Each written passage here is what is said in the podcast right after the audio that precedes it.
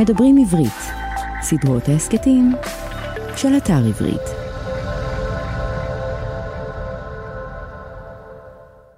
הוא בא מאחוריה, והניח את ידו על עורפה ואמר, את יודעת, פיקאסו אמר פעם שמטיס מצייר כאילו שיש לו את השמש בבטן.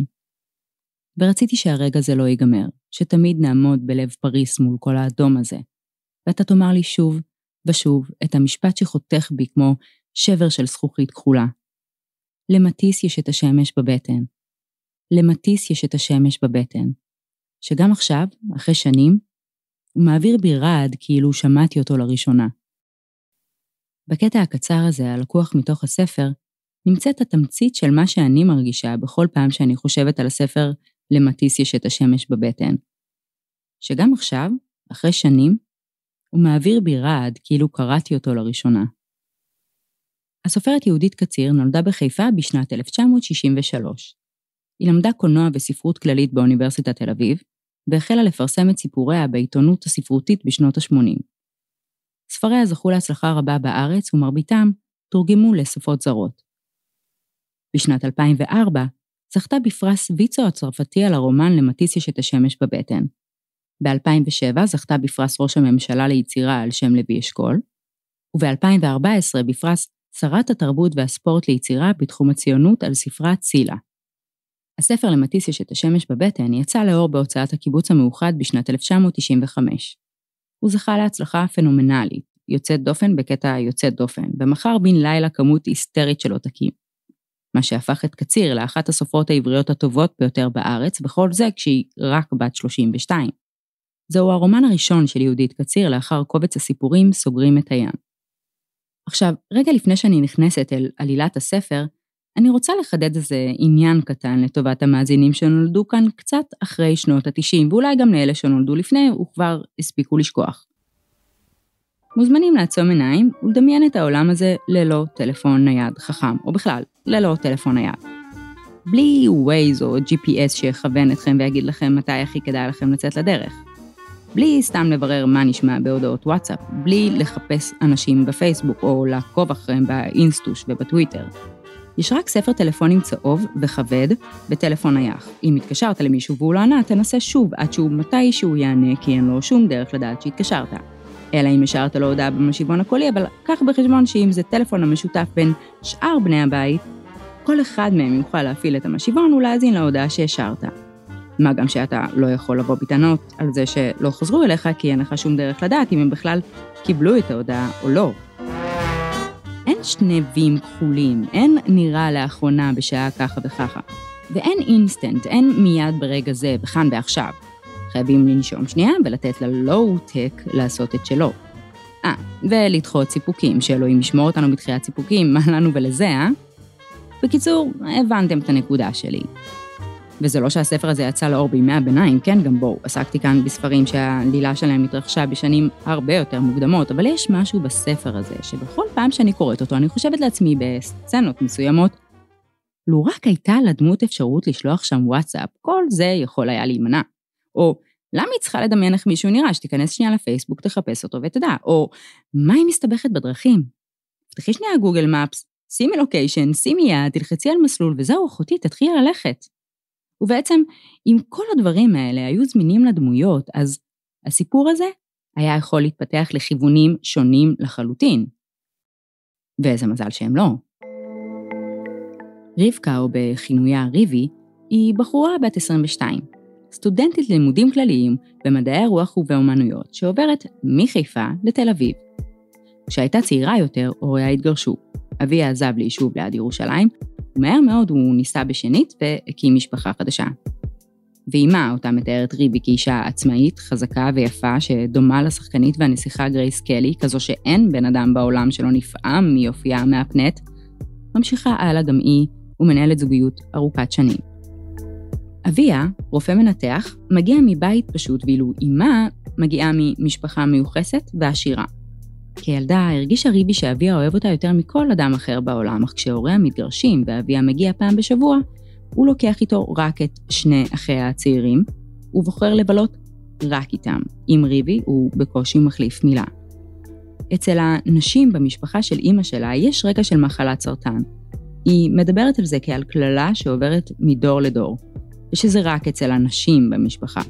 ובתור ילדה צעירה, ריבי תוהה לעצמה, מעניין מתי יגיע התור שלי ואיפה אני אחטוף את זה. איפה נקודת התורפה שלי, הגאווה הכי גדולה שלי? במוח? ברחם? בלב? יש בכלל דבר כזה, סרטן הלב? אצל סבתה זה הגיע בעיניים וגרם לה לעיוורון, וריבי, שפוחדת שהמחלה הזאת תתקוף גם אותה ביום מן הימים, דווקא בעיניים, מחליטה באופן לא מודע לצלם דרך העיניים שלה סצנות חשובות בחיים שלה שהיא רוצה לזכור לנצח, למקרה ש... המעבר של ריבי מחיפה לתל אביב פותח בפניה עולם חדש, חיים חדשים. ומי שמתגעגע לימים בהם רחובות העיר היו סטריליים מהעבודות על הרכבת הקלה, יוכל ליהנות מהתיאורים היפים והמדויקים שיהודית קציר טומנת בספר. רחוב שנקין של חנויות קטנות ובעלי מלאכה, נחלת בנימין ותיאורים נוסטלגיים של מקומות בילוי כמו קולנוע פריז וקפה תמר המיתולוגי. בין הלימודים לעבודה על הכתיבה, מבלה ריבי את זמנה בקריאת ספרים, אותם היא רוכשת בחנות יד שנייה, גולדן ספרים, השייכת לשמשון גולדן, איש מבוגר ומיוחד שאת חנות הספרים הוא פתח כשהיה בן 25. הוא גאון ספרותי שכל ימי חייו צרך תרבות בכל דרך אפשרית ומכיר את כל הסיפורים על כל השחקנים והאמנים ואת מאחורי הקלעים. ריבי אוהבת את האווירה הביתית שיש אצלו בחנות ואת זה שהוא מאוד מהר מצליח להפוך את רוב הקליינטים שנכנסים לחנות לחברי נפש שלו. הוא נפתח בפני ריבי ומספר לה את סיפור חייו. בין שאר הסיפורים הוא מספר לה על עמוס, חייל בן 19, גאון מוכשר ביותר ששירת בקריה, והיה מגיע בכל ערב לחנות הספרים של גולדן לשוחח איתו. גם בשעה שגולדן היה צריך כבר לסגור את החנות, הם היו ממשיכים את השיחות שלהם בבית קפה, ואחר כך עוד ממשיכים לדבר בהליכה הלוך ושוב ברחוב עד חצות, ככה כל יום. עמוס ידע לדבר ארבע שפות והריץ את כל מי שגולדן העריץ, ולאחר שחרורו מהצבא, הוא הלך ללמוד תיאטרון וספרות אנגלית באוניברסיטה, וגולדן ניבא לו עתיד מזהיר.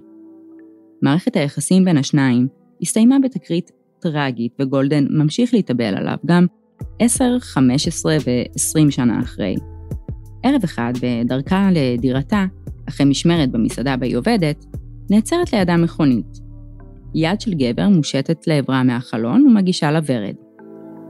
בתחילה היא נרתעת, אך לבסוף היא מסכימה להיכנס לרכב. וכך מתחיל לו סיפור האהבה הבלתי אפשרי בין ריבי, כאמור סטודנטית בת 22, לבין יגאל, גבר נשוי בסוף שנות ה-40 לחייו, מרצה ומלמד מתמטיקה בטכניון. אה, רגע, את הנקודה החשובה ביותר לגבי הספר הזה וחוויית הקריאה שלו עוד לא אמרתי כאן.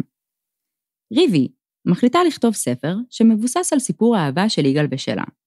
אבל הספר עצמו לא כתוב בקולה של ריבי שמספרת מה היה, אלא שהוא נכתב על ידי יהודית קציר בגוף נסתר, והיא זו שבעצם מספרת לנו על כל אותן החוויות שעברו על ריבי באותן השנים, וגם על מה, רגע, שנייה, טוב, אתם יודעים מה? שנייה.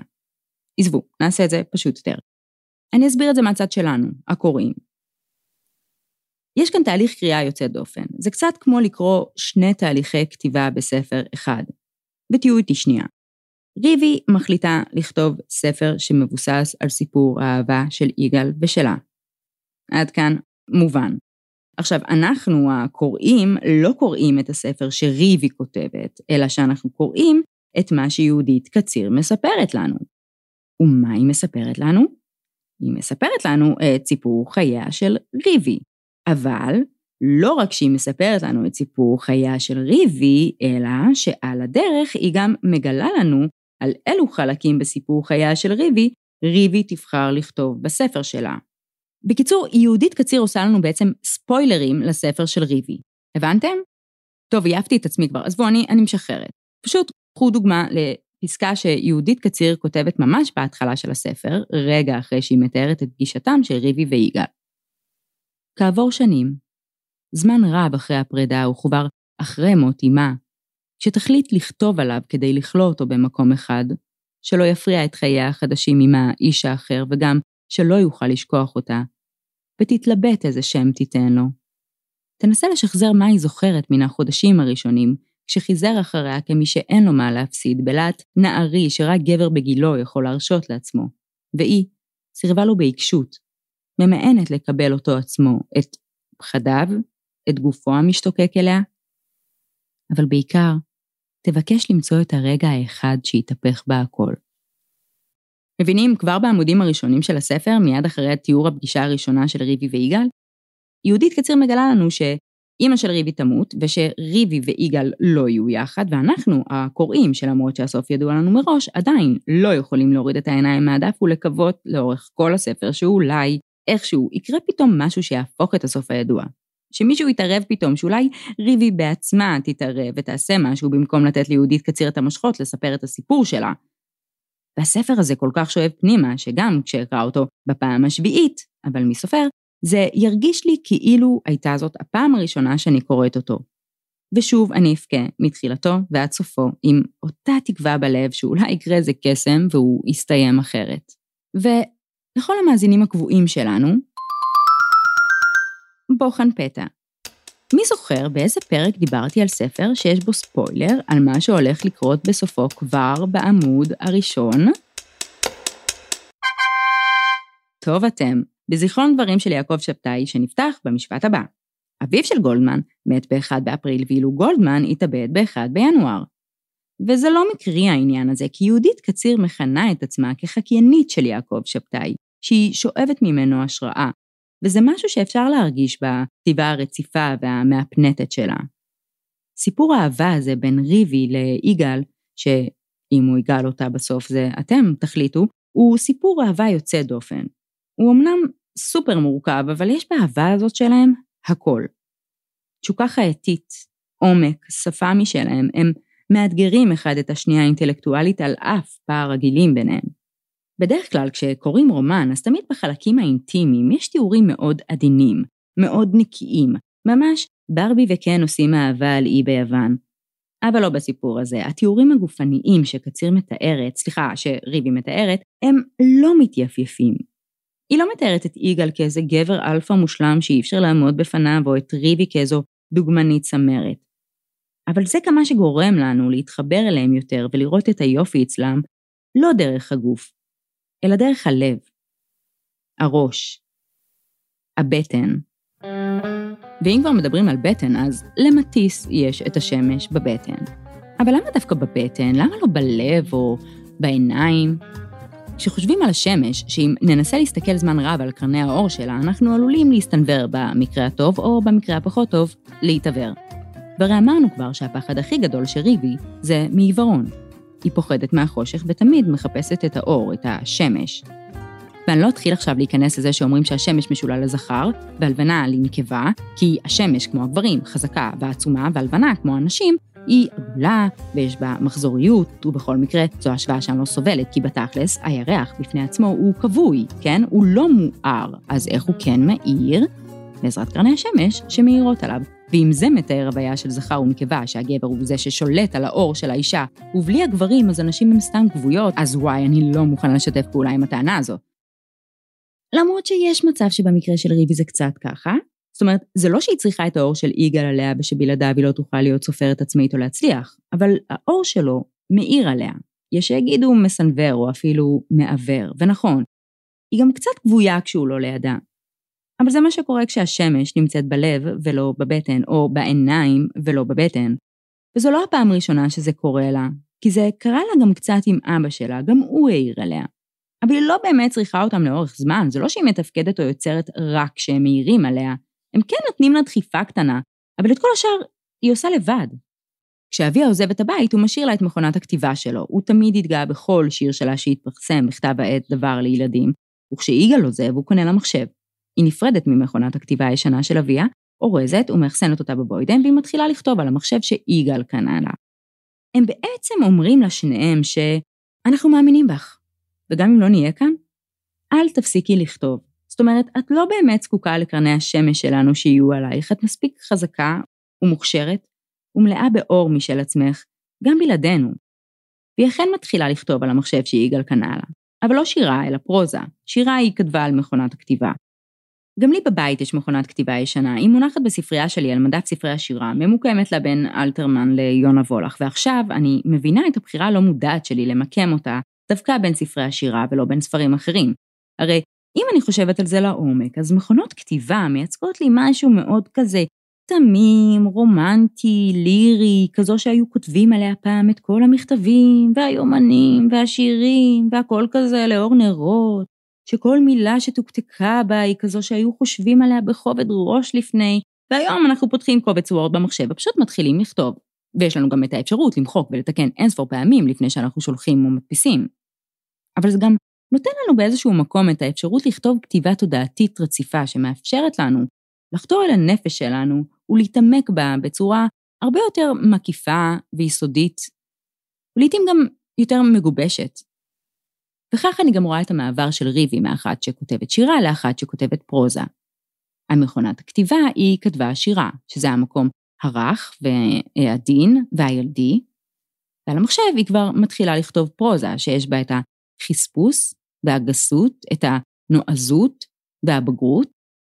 גם האקט הזה של לשים את מכונת הכתיבה בבוידם זו אולי אמירה לכך שהיא השלימה עם העובדה שאביה נטש אותה ושהיא זו שנפרדת ממנו עכשיו.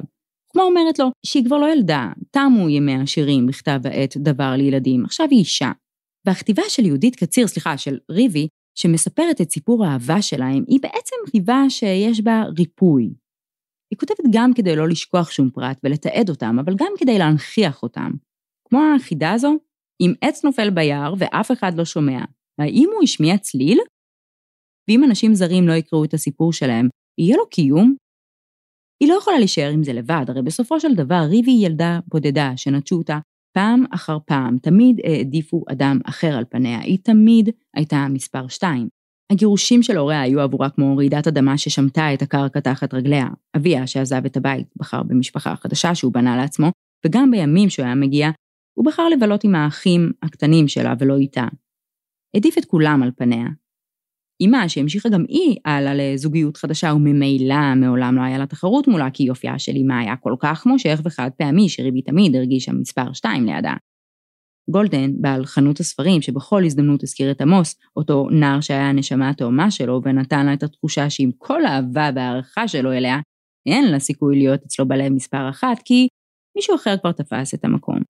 ויגאל כמובן, שגם אהבתו העצומה אל ריבי וההבטחה שלו אליה שהיא תמיד תהיה האישה שהוא אהב יותר מכל אישה אחרת, אפילו יותר מאשתו. היא הבטחה ריקה, כי בסופו של דבר הוא בוחר לחיות עם אשתו ולא איתה. ושוב היא מספר שתיים. וכשאדם מרגיש שאין לו מקום בעולם, או לפחות מקום אחד בו הוא מרגיש מספר אחת, שאין לו תחליף, אז תחושת התלישות הזו יכולה המון פעמים דווקא לגרום לאותו בן אדם לעשות פעולות שינכיחו אותו, שיראו אותו, שיזכרו אותו. וריבי כותבת את הסיפור שלהם לא מתוך פחד שהיא עלולה לשכוח אותו, אלא דווקא בשביל לזכור ולחוות אותו שוב ושוב.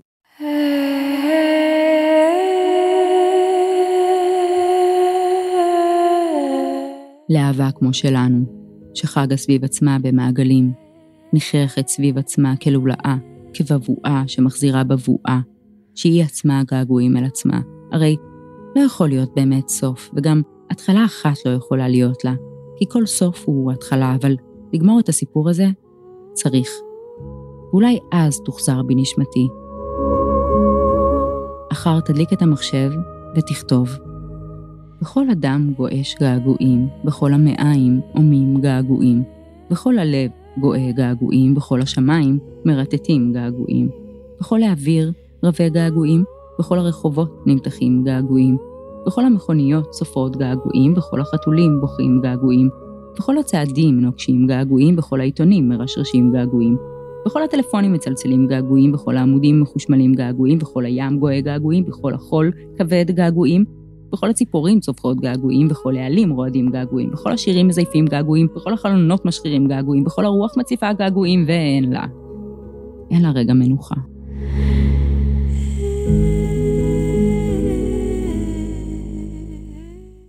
טוב, אני אפסיק כאן כי אני מסוגלת להמשיך ולהקריא לכם את כל הספר, ורק שתדעו שאם אתם חושבים שאתם יודעים מה קרה שם או איך זה נגמר, אז אין לכם מושג, ואני יודעת שאני אומרת את זה בסוף כל פרק, אבל לא, הפעם באמת אין לכם מושג, כי בפרק האחרון של הספר, מי שמספרת לנו את הסוף שלו היא ריבי, בכבודה ובעצמה, שמחליטה סוף סוף לקחת את המושכות לידיים שלה ולדבר אלינו ישירות. בקולה המרגש הדמעות היא מלווה אותנו לסיום הספר, ולנו רק נותר לשאול, מה מה קרה כאן? יש פה איזה ספר המשך או משהו כזה? כי לא יכול להיות שזה נגמר ככה, ווואי, בואנה, תקשיבו, איזה סיפור חיים מטורף יש ליהודית קציר הזו, אה, סליחה, ריבי, ריבי, וואי, מה קורה לי? אוף, cut, cut. וואי, אחותי, תקשיבי, אני לא מצליחה להתאפק פרק שלם מבלי לומר אפילו מילה אחת על זה שליהודית קציר ולריבי יש סיפור חיים דומה, כאילו, אני מבינה שאנחנו צריכים לכבד את חיי הפרטים של הסופרת, אבל לא כדאי להם לדעת מזה? בסדר, אני יודעת שזה לא פרק של גיא פינס פה, ואני יודעת שלעניין הצהוב הרכילותי הזה אין מקום בפודקאסט, אבל מי שישמע, זה כולה שניים, שלושה פרטים זהים. מה, אני לא יכולה לומר שהגירושים של הוריה של ריבי והיחסים המורכבים עם אבא שלה זה בול הסיפור של יהודית קציר? ושגם היא כמו ריבי עברה לתל אביב בגיל 22 מחיפה?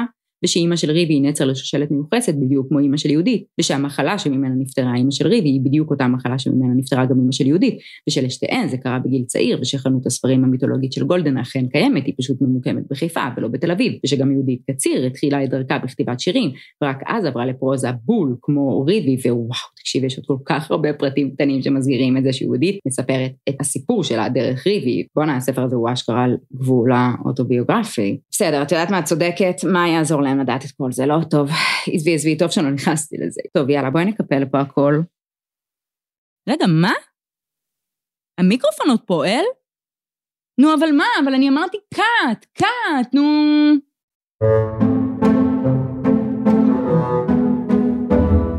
האזנתם לדברים עברית, סדרות ההסכתים מבית אתר עברית, חנות הספרים הדיגיטליים, מודפסים והקוליים הגדולה בישראל. ספר זה וספרים נוספים מחכים לכם באתר עברית.